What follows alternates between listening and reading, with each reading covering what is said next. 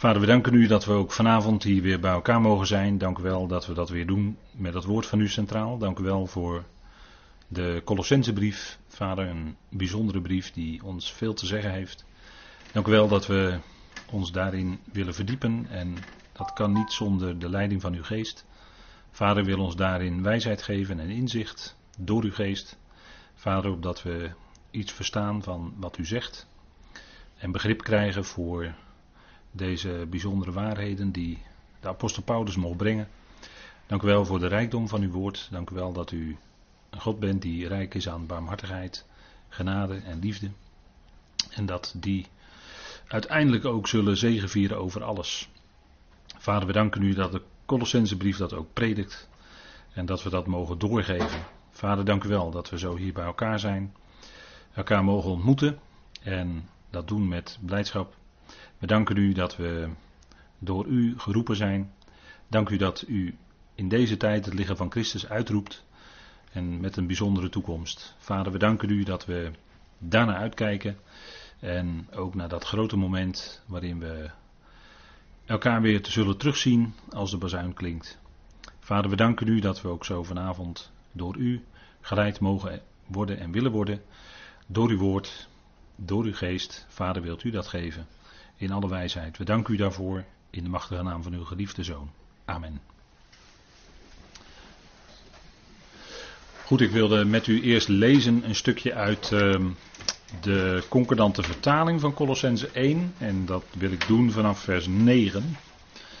Dat is waar we ook nu gebleven zijn in onze studies. Colossense 1, ik lees u vanaf vers 9. Derhalve houden ook wij, vanaf de dag dat wij dit hoorden, niet op voor jullie te bidden en te verzoeken dat jullie vervuld worden met de erkenning van zijn wil. In alle wijsheid en geestelijk inzicht, zodat jullie de Heer waardig wandelen. Tot geheel zijn behagen, in alle goed werk vruchtdragend en groeiend in de erkenning van God. Met alle kracht krachtig gemaakt, in overeenstemming met de macht van zijn heerlijkheid, tot alle volharding en geduld met vreugde. Gelijktijdig de Vader dankend, die jullie bekwaam maakt voor het deel van het lot van de heiligen in het licht, die ons bergt uit het volmachtsgebied van de duisternis en ons overzet in het koninkrijk van de Zoon van zijn liefde, in wie wij de vrijkoping hebben, de vergeving van de zonden. Hij is het beeld van de onzichtbare God, de eerstgeborene van heel de schepping. Want in hem is het al geschapen, wat in de hemelen en wat op de aarde is, het zichtbare en het onzichtbare, het zij tronen, het zij heerschappijen, het zij soevereiniteiten, het zij volmachten. Het al is door hem en tot hem geschapen. En hij is voor alles en het al heeft zijn samenhang in hem. Tot zover. Tot zover Colossense 1. En we zijn met elkaar gebleven in die versen 9 tot en met 11. En het is wel even goed om te zien dat die structuur van Colossense in dit gedeelte waar we mee bezig zijn, dat heeft te maken met het geheimenis van Christus. En we hebben al gezien in de wat grotere structuur, maar we zoomen hier even in. Zoals u kunt zien, 1 vers 9 tot en met 2 vers 7 is de realisering of de erkenning van het geheimenis van Christus. En Colossense 4 vers 2 tot en met 6 is de uitdrukking ervan. In Gods woord zijn heel vaak de gedeeltes in de brief van Paulus in ieder geval aan elkaar gespiegeld. Hè? Dus het, een thema komt dan twee keer terug. In het begin van de brief en later in de brief. En zo ook als het gaat over het geheimenis van Christus. En Paulus die bidt, en dat is een gebed wat voor ons heel goed is om ook te bidden. Dat hebben wij nodig zelfs om te bidden, opdat wij die geheimenissen kunnen verstaan. En op basis van die erkenning ook kunnen wandelen en leven tot Gods eer in deze tijd. Dat is toch wel belangrijk. Paulus bidt dat jullie vervuld worden met de erkenning van zijn wil. En dat heeft hier te maken met het geheimenis van Christus. Dus vervuld worden, dat heeft te maken met vol worden hè, of volmaken. We hebben de vorige keer gezien, als het gaat om aspecten van Gods wil, dan lezen wij in, en dat resumeer ik dan even van de vorige keer, dan lezen wij in Efeze 1 over het welbehagen van zijn wil. Dat is natuurlijk een aspect van zijn wil. En we hebben daarin gezien dat dat te maken heeft met het feit dat wij. En wat zegt u dan? Dat wij. Het, het welbehagen van zijn wil heeft te maken. Vanuit Efeze 1 dat wij zonen zijn. Ja, het zoonschap. Het geheimenis van zijn wil heeft te maken, naar Efeze 1, met het geheimenis. Het geheimenis van zijn wil is dat hij. En wat hebben we de vorige keer ervan gezien? Het al onder één hoofd zal brengen. Het al brengt hij onder één hoofd, namelijk Christus. Dat is het geheimenis van zijn wil. En de raad van zijn wil, staat ook in Efeze 1, is dat en dat heeft dan met ons te maken dat wij zijn tot lofprijs van zijn heerlijkheid. Dus hebben we drie aspecten van Gods wil, die dus drie verschillende zaken aanduiden. Zoonschap onder één hoofd brengen en wij zijn tot lofprijs van zijn heerlijkheid. Dus ik denk dat dat even, hè, dat hebben we de vorige keer met elkaar gezien. Ik roep het even in uw herinnering. Dan zit u er weer even in, want we praten hier over de erkenning van zijn wil. Dus de erkenning van Gods wil. En dat is waarvoor Paulus bidt. En als we om ons heen kijken, dan zijn er heel veel christenen, gelovigen, die de wil van God, en vooral als die in Efeze en Colossense wordt uitgesproken, is uitgeschreven, die die wil van God niet kennen of niet willen erkennen. Dat kan ik ook zeggen. En daarom is het gebed om erkenning van zijn wil nodig. Gelovigen of christenen horen soms er wel van, maar die werpen dat van ver van zich. Waarom? Omdat ze vaak vol zitten met tradities. Omdat tradities over dat woord van God zijn gekomen. En daar heeft het woord van God zelf in de vertalingen ook onder geleden. Dat is allemaal aanwijsbaar. En daardoor kunnen mensen niet zien, niet erkennen, niet tot erkenning komen van Gods wil. Maar daarom zouden we wel bidden voor onszelf en voor alle gelovigen, voor alle christenen, dat zij wel vervuld worden met de erkenning van zijn wil. En God vindt wegen om mensen te bereiken. Hij gebruikt andere mensen om dat te doen. Ik heb wel eens vaker gezegd, God gebruikt geen organisaties, maar hij gebruikt mensen. En hij gebruikt mensen om die boodschap, als ze die boodschap kennen, als ze tot erkenning gekomen zijn van zijn wil, om dat ook door te geven aan anderen. Ook al is het maar even een hint in een gesprek. Dat die ander misschien gaat nadenken van hé, hey, wat zegt hij daar? En dan kun je misschien iets kwijt. Of soms maar heel weinig. Maar laat het in ieder geval uw gebed erop gericht zijn dat anderen komen tot erkenning van zijn wil. Want hoe geweldig is dat? Als we dat zelf in ons leven zijn gaan ervaren. Wat ging er een wereld voor ons open? Toen we zijn wil gingen erkennen. En dat is het geweldige wat de Heer kwam doen. De Heer Jezus kwam om Gods wil te doen. Nou, dat is natuurlijk geweldig. Hè? Uh, laat maar even lezen met elkaar in Johannes 4, vers 34. Daarin zegt hij dat zelf. als we praten over Gods wil. En dan kun je natuurlijk afvragen, ja, God wil dat wel. En dan hoort u me wel komen bijna. God wil dat wel, maar de mens moet ook willen dan maak ik daar toch bezwaar tegen, tegen die uitspraak. Want de Heer Jezus, die is heel actief. En die is de uitvoerder van Gods plan. En hij doet dat, hè. Hij werkt dat plan van God uit. Johannes 4, vers 34.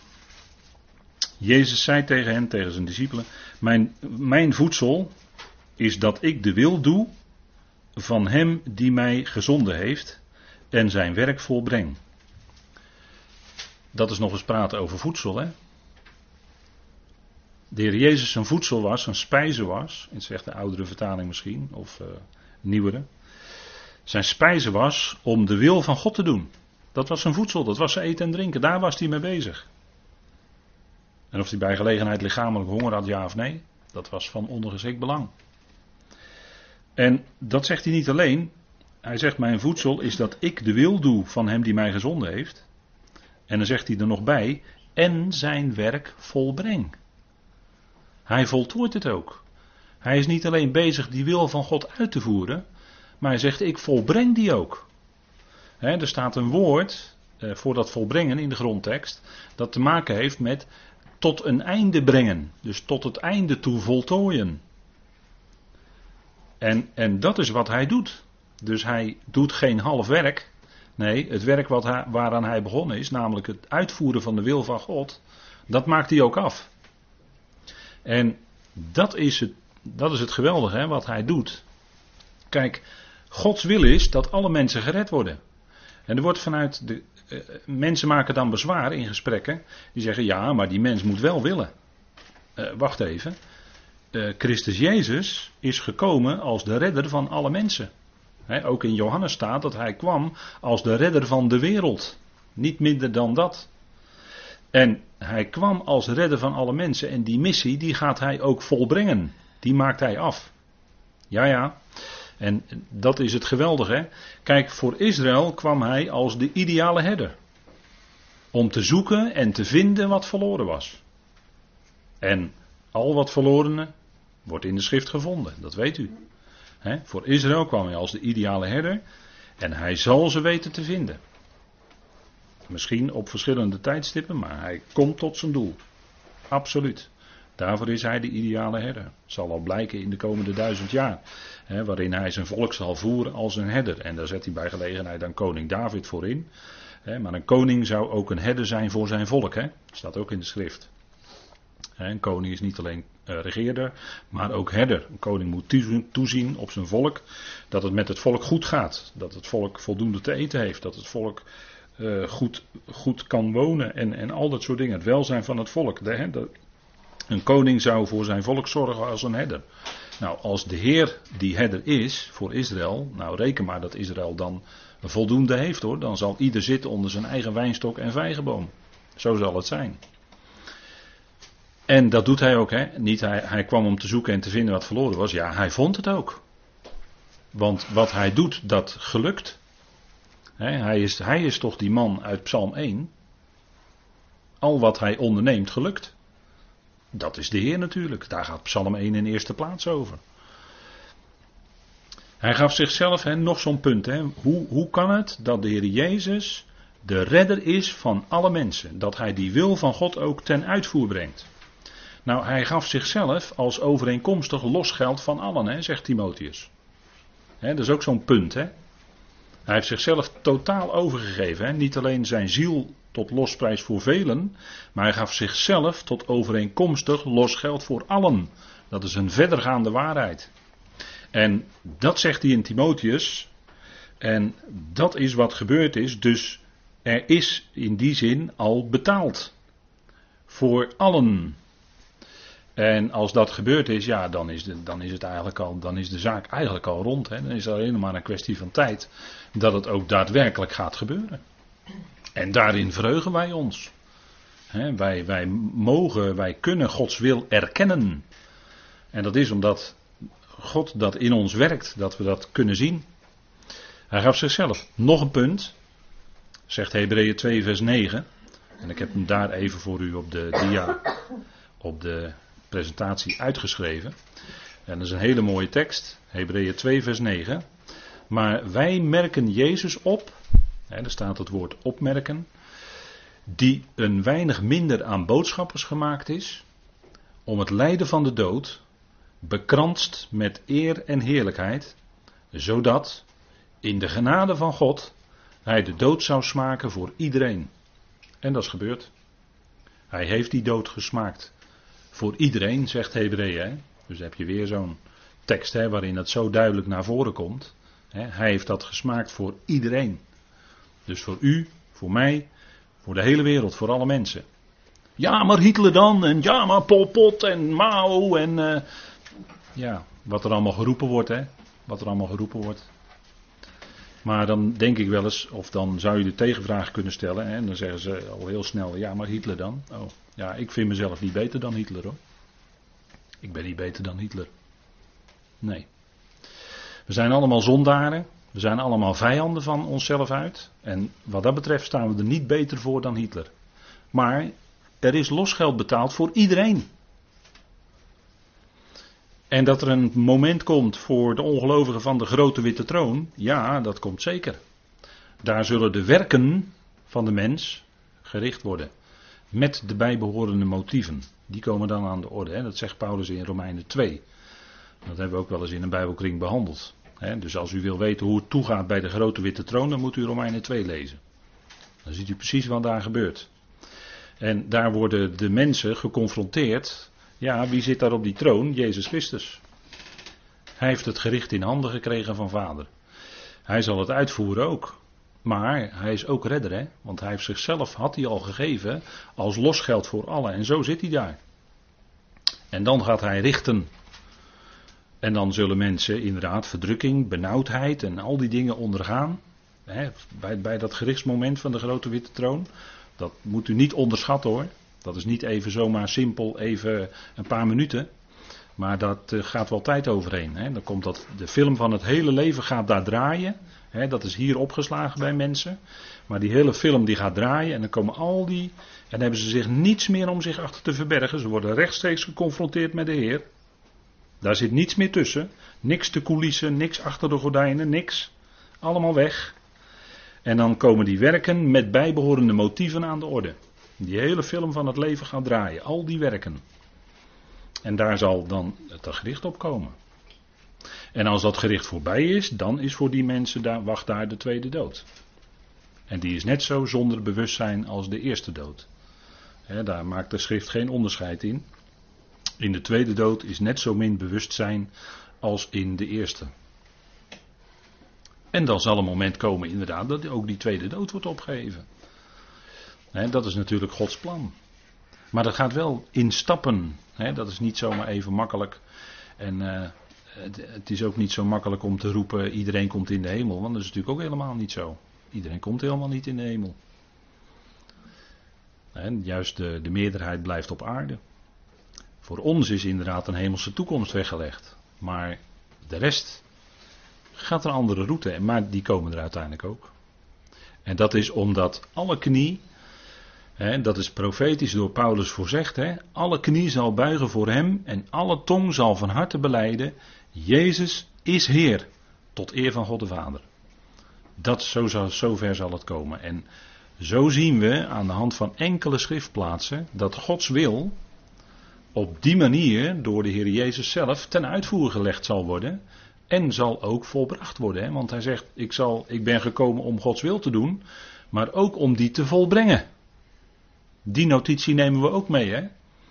Dus hij voltooit dat ook, dat werk. Hij doet geen half werk. Het zal niet blijven steken bij de helft van de mensheid. Nee, ieder zal er komen. En dat is het geweldige waarin we ons nu al verheugen. En waarin toen God ons die erkenning gaf, wij enorm blij zijn geworden. En is God voor ons veel groter geworden. Dat is zo geweldig dat Hij de redder van alle mensen is. En, en we mogen nu al inzicht hebben in die geheimenissen. Dat is ook heel bijzonder. Hè? Dat we dat zo mogen zien. Ik hoop dat u beseft hoe bijzonder dat is. Want dat is aan velen niet gegeven. En dat, dat is helemaal niet omdat wij beter zijn. Helemaal niet. Maar God heeft het ons kennelijk geschonken.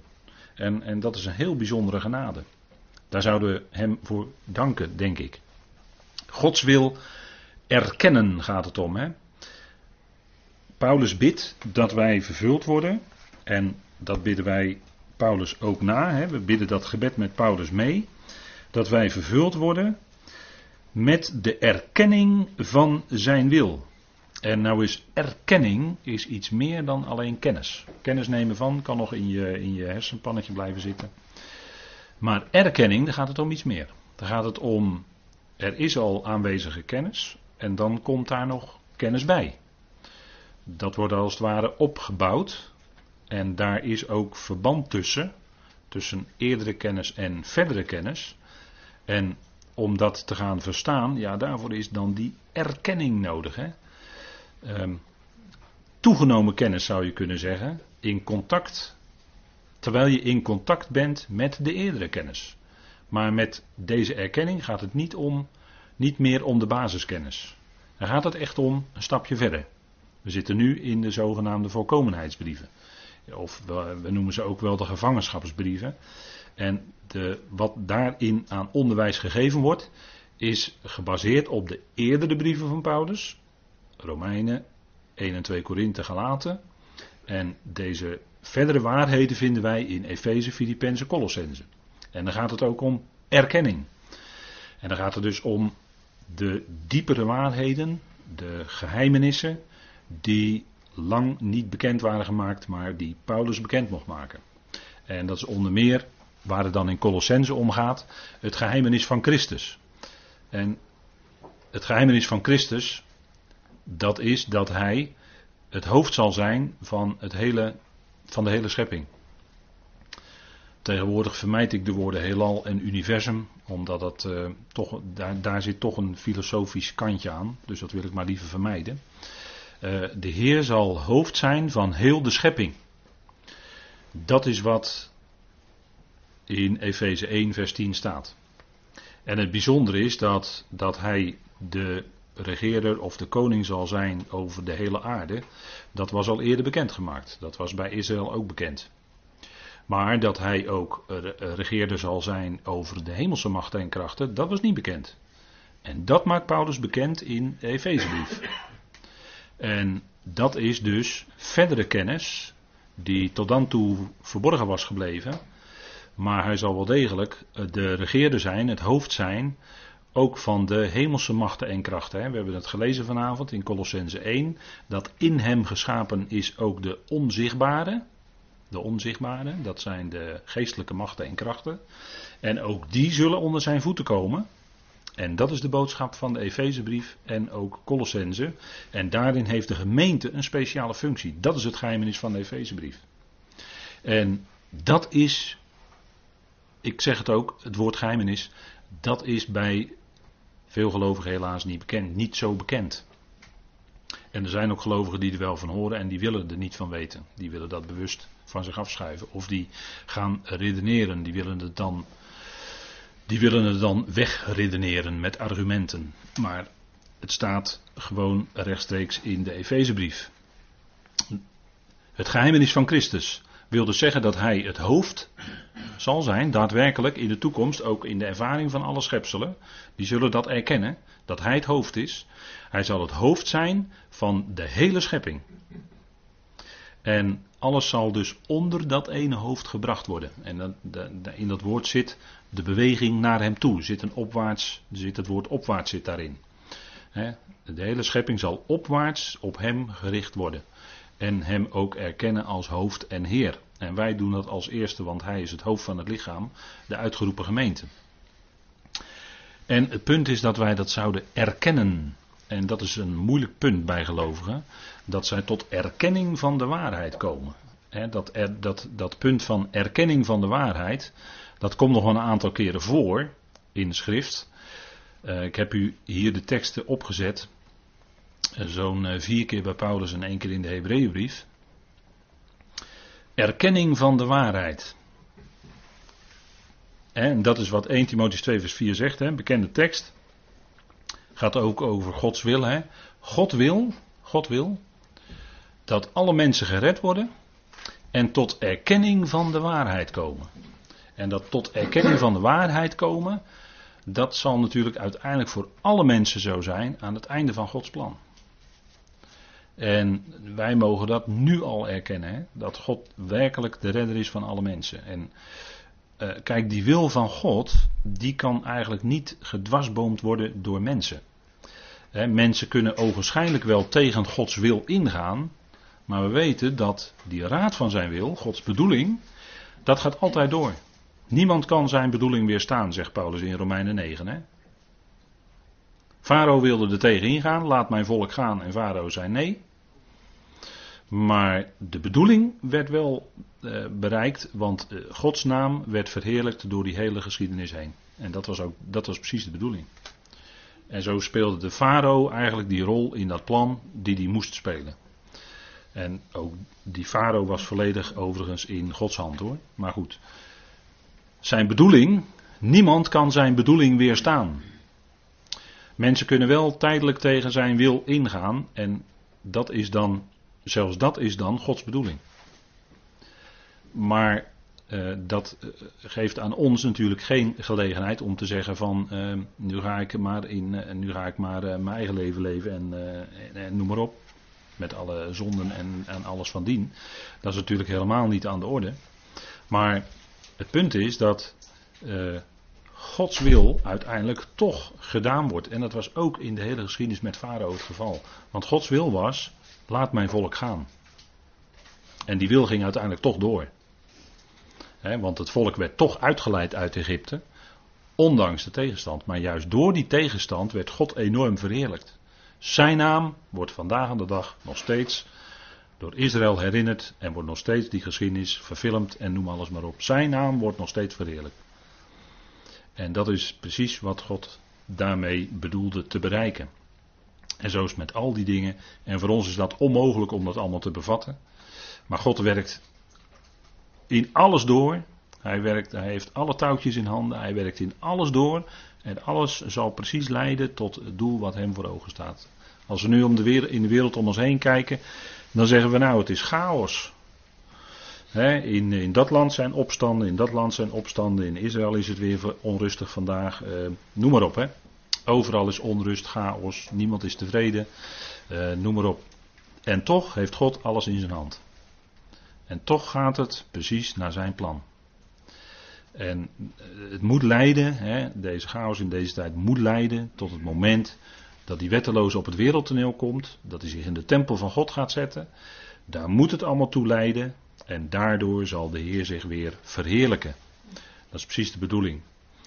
Dus aan de ene kant kunnen we ons wel eens uh, onrust in ons hart zijn door alle nieuwsberichten. Kunnen we ons wel eens zorgen maken over hoe het allemaal gaat. En misschien zegt u wel, ja, ook in mijn persoonlijk leven zit het allemaal niet mee. Het lijkt wel of ik aan alle kanten tegenwind heb. Het zit allemaal tegen, het, gaat al, het lijkt allemaal niet goed te gaan. Ehm, de rust vinden wij in het feit dat God werkelijk degene is die alles in zijn handen heeft. En we kunnen Vader danken voor de gebeurtenissen van elke dag in ons leven. Hoe het gaat, of het tijdelijk tegenzit, of dat het misschien wat beter gaat. Maar we kunnen Vader danken dat hij het zo uitwerkt. ook in tegenslag juist bij tegenslag, God danken dat Hij dat op dat moment in uw leven zo uitwerkt. Dat is wat hoor, dat is wat. Als je dat kunt, dat is helemaal niet makkelijk. Maar we weten dat Vader het in ons leven niet verkeerd doet. Hij is degene die, uh, die zegt dat Hij alles in ons leven doet samenwerken tot het goede. God is het, in die tekst al twee keer God. Hè? God is het die alles doet samenwerken voor degene die God liefhebben. En die erkennen dat Hij dat in hun leven liefdevol uitwerkt. Het gaat nooit buiten Gods liefde om. Nooit. En ook al begrijpen wij er niets van, we kunnen wel misschien in tranen God danken. Vader, u doet het niet verkeerd. Ik heb er als mens moeilijk mee. Ik, zit, ik stik bijna in mijn emoties. Maar u doet het niet verkeerd, vader. En daar dank ik u voor. U werkt het uit ten goede. En dat is het, hè. Kijk, en daarin, daarin vindt een onrustig hart rust. Vrede. Het is die, dan die vrede van God, hè, die wonderlijke vrede van God, die dan neerdaalt in je innerlijk, in je hart. En je kunt verder. En misschien maar een dag verder. Maar je gaat aan vaders hand. En vader leidt je en het gaat, ook al lijkt het allemaal enorm tegen te zitten en anders te gaan dan je wil en noem alles maar op. Maar vader werkt het uit. En dat, is, dat betekent heel veel. als je ook voor de kleine dingen vader kunt danken. Misschien voor datgene wat je deze dag hebt kunnen doen, ook al is het in jouw ogen nog maar zo weinig. Door je afnemende krachten. Maar je dankt vader voor wat je hebt kunnen doen. En, en dat is wat vader dan geeft. Dat is zijn wijsheid. Hè? Want deze tekst, Colossense 1, spreekt natuurlijk ook over wijsheid. Daar komen we nog op. Maar het is, eh, het is wijsheid, en dat zegt het lied toch ook, dat is wijsheid wat hij doet. Het is wijsheid wat hij doet. En, en die wijsheid van God is nou eenmaal veel en veel en veel groter dan onze eigen wijsheid. En dat, is, uh, dat is waar we in kunnen rusten.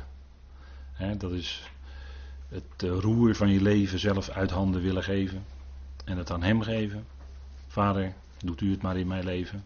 En wat u doet is goed. Ik weet het, het is goed, Vader. U doet het niet verkeerd.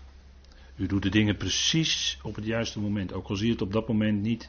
Maar kom je er later achter. Ja, vader, als ik alles op een rijtje zet, was exact het juiste moment. Exact. En, en dat is wat God doet, hè. Hij doet alles precies op de juiste tijd. Geen seconde te vroeg en geen seconde te laat. Vader weet als geen ander waar hij mee bezig is. En dat is wat we misschien in het begin van ons geloofsleven betwijfelen en misschien later ook nog. Maar als je verder daarin gegroeid kunt zijn, mag zijn, hoe moet ik het zeggen, dan ga je dat steeds meer erkennen, daar hebben we het over, hè? erkennen. Dan komt het hart erbij. Dan ga je ook van binnenuit dat beamen. Ja, vader, het is goed. Het is uw wil. En het is iets wat mij tranen brengt. Maar ik wil mij schikken in dat wat u wilt. En, en dat is uh, wat de Heer ook deed. Hè? Dat ging tot en met Gethsemane. En dat ging heel diep. Abba vader, niet mijn wil, maar de uwe. En dat is, uh, ja, dat is een stuk onderschikking aan wat, wat God doet, hè? aan wat God wil in ons leven. En dat is denk ik bijzonder. Erkenning van de waarheid. want de waarheid vandaag de dag is heel moeilijk hoor. Als je vandaag de dag ook in de maatschappij de waarheid op tafel wil leggen, dan wordt dat niet gewaardeerd. Klokkenluiders worden niet gewaardeerd. Die raken meestal hun baan kwijt. Of nog erger. Maar die willen een stukje waarheid op tafel leggen. Die willen de zaken bekendmaken. En als je ook in andere dingen de waarheid op tafel wil krijgen, dan moet je heel veel moeite doen. En het wordt vaak enorm tegengewerkt. En dat is te meer zo als het gaat om Gods woord. Als we kijken in de afgelopen 2000 jaar, hoe die waarheid ten onder is gehouden, nou, dat is onvoorstelbaar. Er is alles aan gedaan om die waarheid tegen te houden. Maar God heeft er toch altijd voor gezorgd dat die waarheid op een of andere manier, ook al was bij enkelingen, werd doorgegeven. Er waren altijd stemmen die toch de dingen zeiden. En die dat terugvonden in Gods woord. En uh, ja, dat kostte soms ook de brandstapel. Hè. Iemand die de Bijbel goed wilde vertalen in Engeland, die, kwam, uh, die werd gedood daarom, om die reden. Ging om de Bijbel, werd gedood, ja. En dat, dat uh, is vaker gebeurd. De waarheid. Mensen houden de waarheid vaak in ongerechtigheid neer, hè, zegt Paulus. En dat heeft te maken met de erkenning van God dat men God niet accepteert als schepper, heeft te maken met de erkenning van God. Men wil God uit zijn schepping wegschrijven. Door de evolutietheorie.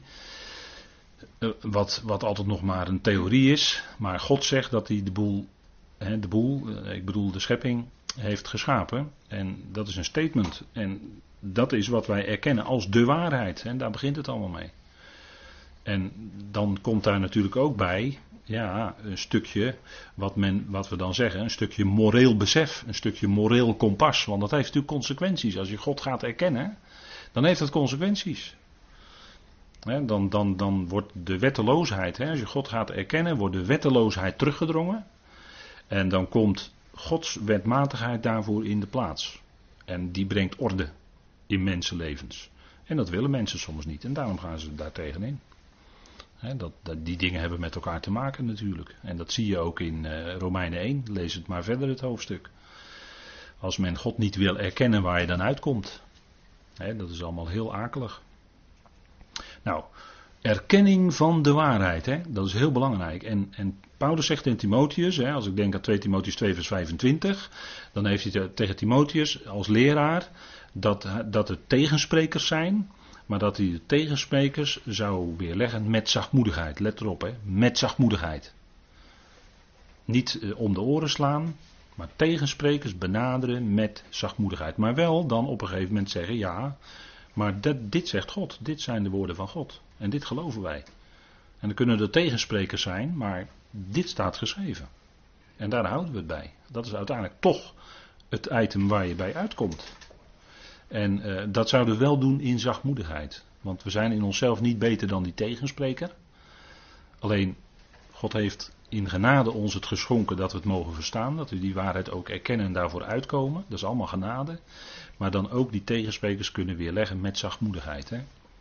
Maar het gaat dan wel om de waarheid. Want we leven in de tijd dat de mensen de waarheid niet waarderen. Ook gelovige christenen accepteren de waarheid vaak niet. Dat is, dat is ernstig, dat is verdrietig. En uh, dat zou ons te meer in ootmoedigheid doen staan, maar wel achter dat woord. En als het erop aankomt, ja, dat staat geschreven. Dat, zo is het. Het is niet anders, dit staat er geschreven. En dan is het ook, dat is dan ook het punt, hè.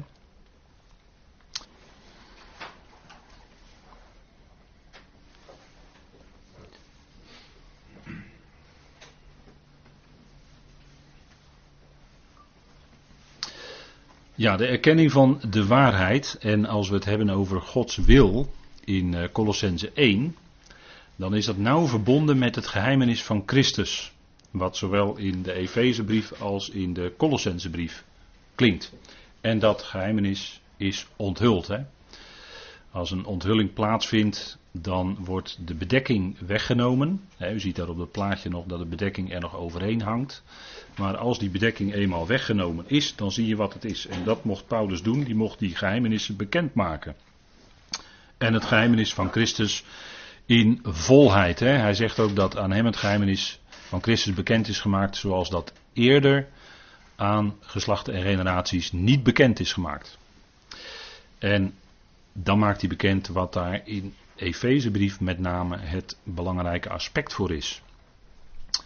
En het, punt is dat wij als gelovigen dus zouden komen tot erkenning ook van dit geheimenis van Christus. Het geheimenis van Christus in Efeze en Colossense houdt in. En dan gaat het dus om Christus, hè? het geheimenis van Christus. Het gaat om Hem. Hij wordt bekendgemaakt in volheid wie Hij is. En dat zou natuurlijk het, uh, uh, onze aandacht opeisen, want Hij is onze Heer. Hij is ons hoofd. We zijn met Hem verbonden. Hij geeft voeding aan het lichaam. Hij, hij geeft ons voedsel. Hij voorziet ons van wat nodig is.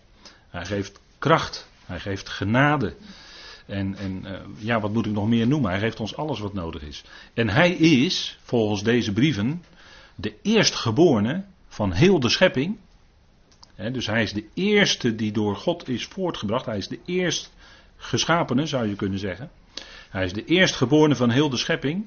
En, Colossense 1 zegt ook, dat hij de eerstgeborene is uit de doden. Hij is de eerste die tot leven is gewekt door de Vader. Want hij had zelf geen kracht om uit het graf te komen. Maar hij werd opgewekt door de kracht van de Vader. En Vader maakte hem levend. En zo is hij de eerstgeborene uit de doden.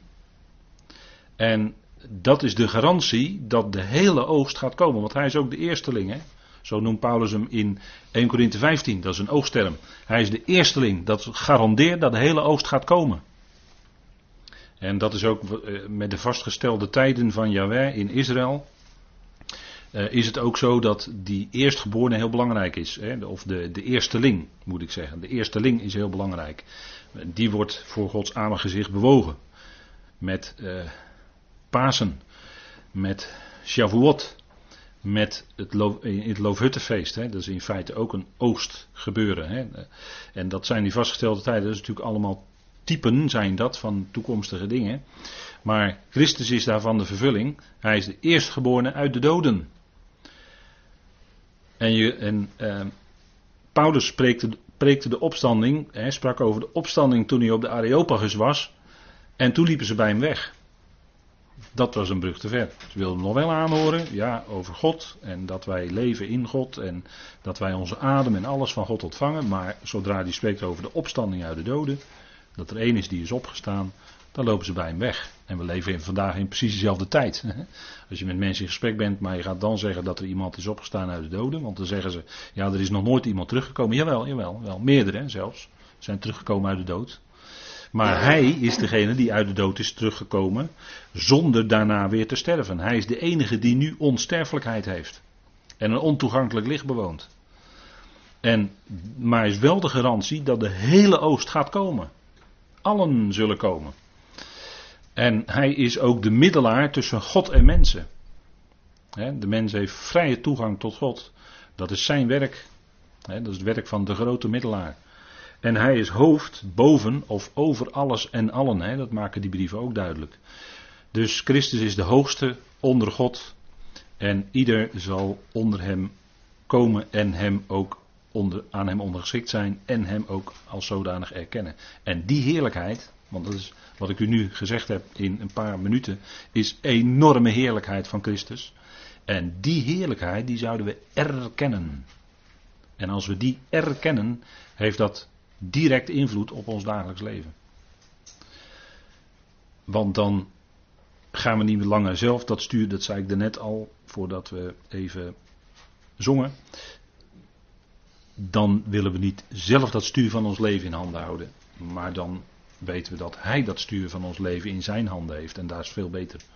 Dat is veel beter. Dan raak je niet uit koers. Dan, ga je niet, dan loop je niet eh, vast hè, op een zandbank. Of dan vaar je niet tegen de wal op. Of dan loop je niet op de klippen.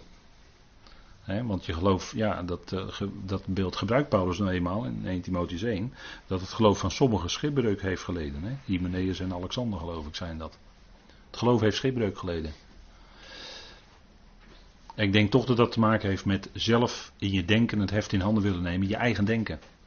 Je eigen filosofie in de plaats stellen van Gods woord. Of Gods woord naar je hand willen zetten. Kan ook. Maar laat dat allemaal maar aan Hem over. Dan is het goed. Dan blijf je op koers. Dan blijft je schip van je leven blijft in de goede richting varen. Misschien met tegenwind, storm. Maar Hij is erbij. Ook in, als het eh, flink waait en tekeer gaat. Maar dan is Hij erbij. Dan, zijn we, staan we er nooit alleen voor. De Heer is nabij, zegt Paulus. En we kunnen alles met gebed en misschien is er veel smeking en veel tranen. Maar we kunnen alles met gebed en smeking bij hem bekendmaken. Onder dank. Onder dank. Want vader werkt het uit. dat is het geweldige. En dat is wat je, eh, wat, je, wat je rust is. Dat je hem mag kennen. Paulus ging het, eh, al dat wat hij geleerd had van zijn fariseïsme, zijn jodendom. Het ging allemaal op de vijandershoop. En dat is omdat ik hem zou kennen, zegt Paulus. Hem zou kennen. En de kracht van zijn opstanding. Dat hebben we besproken met elkaar in Filippenzen 3. Dat in ons dagelijks leven die kracht ervaren. Die kracht van zijn opstanding. Juist in ons zwakke broze lichaam. Zijn kracht ervaren. Geestelijke kracht hebben in moeilijke omstandigheden. Dat is alles waard hoor. En dat, dat komt alleen van hem. dat, is, dat is het geweldige. Nou, Gods wil, dat is het geweldige. Gods wil is altijd ten goede. Gods wil voor het al is, en dan gaan we door hoor met uh, die heerlijkheid. Gods wil voor het al, dat is eigenlijk de Bijbelse uitdrukking. Het al, tapanta in het Grieks. Gods wil voor het al is dat er completering komt. Christus gaat alles opvullen wat nu nog ontbreekt in het al. Dat vult hij op. En dat is heel veel, want er ontbreekt op dit moment heel veel. Maar hij gaat dat aanbrengen. Hij, door hem zal dat allemaal gerealiseerd worden. En wij horen onlosmakelijk bij Christus.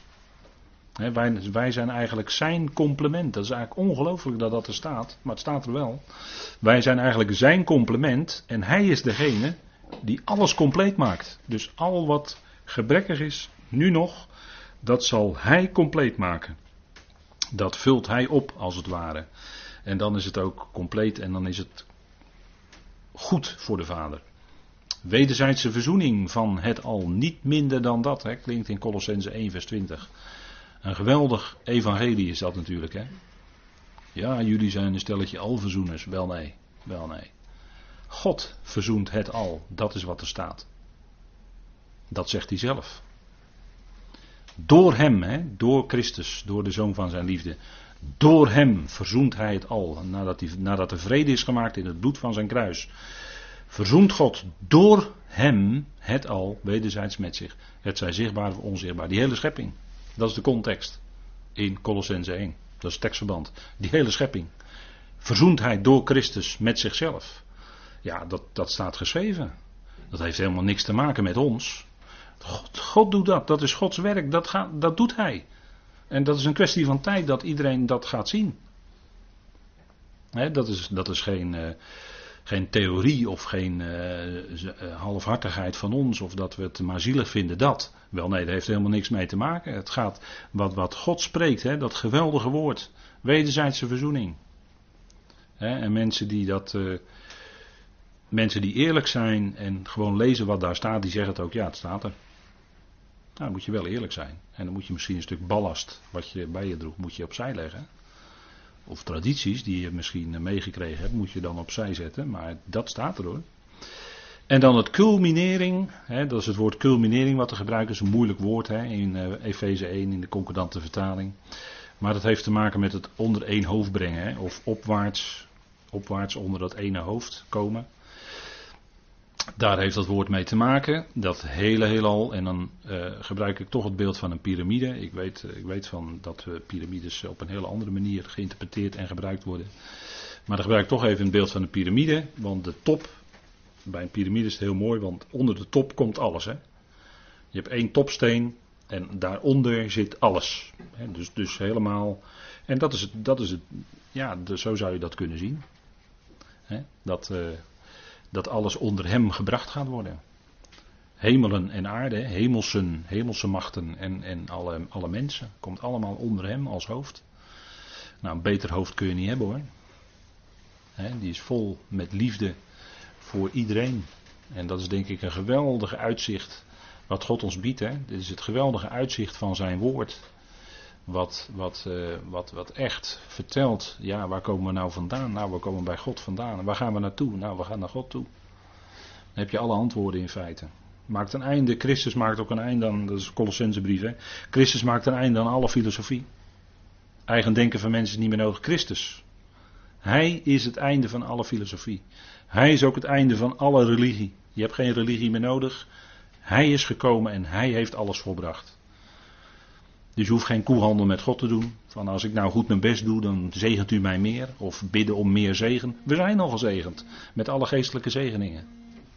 Daar kunnen we voor danken. We hoeven niet bidden om meer zegen. We kunnen danken voor al die zegen die we al hebben ontvangen in Hem. En, en, en dat is het geweldige, hè? we zijn enorm rijk. Alleen beseffen we dat niet altijd. Maar we kunnen daar God voor danken. Dat we die antwoorden hebben. Het woord van God geeft antwoord. Ja, ja, inderdaad, geeft antwoord. En dat is geweldig, hè? Dat we Hem mogen kennen, die de vervulling is van, van al die typen en beelden van Tenach. En, en uh, die alles zal volmaken. Hè? Hij zal heel die schepping volkomen verzoend bij vader brengen. Wat geweldig is dat. Hè? Wat een Heer kennen we toch. Wat een hoofd hebben wij hè? Als, als hoofd van het lichaam. Ja, dat is enorm. En hij heeft uit liefde is hij die weg gegaan. De vader en de zoon, die hebben alle mensen zo lief dat ze in liefde die, die weg zijn gegaan. Zo zou je het misschien kunnen zeggen. En de vader zond en de zoon ging als gezondene. De vader gaf het werk te doen en de zoon voert het uit. De vader is altijd boven de zoon. De zoon is altijd onderschikkend aan de vader. Dat voorbeeld kunnen we navolgen. Dat is het Filippense brief. De gezindheid van Christus Jezus is dat hij zich te allen tijden ootmoedig onderschikte aan vader. En wij zouden ook in die gezindheid leven, van, van onderschikking aan hem. En dat is het geweldige, als je, dat is de weg ook die uh, zegenrijk is. Die je, want het brengt je in de juiste plaats ten opzichte van Christus en ten opzichte van God.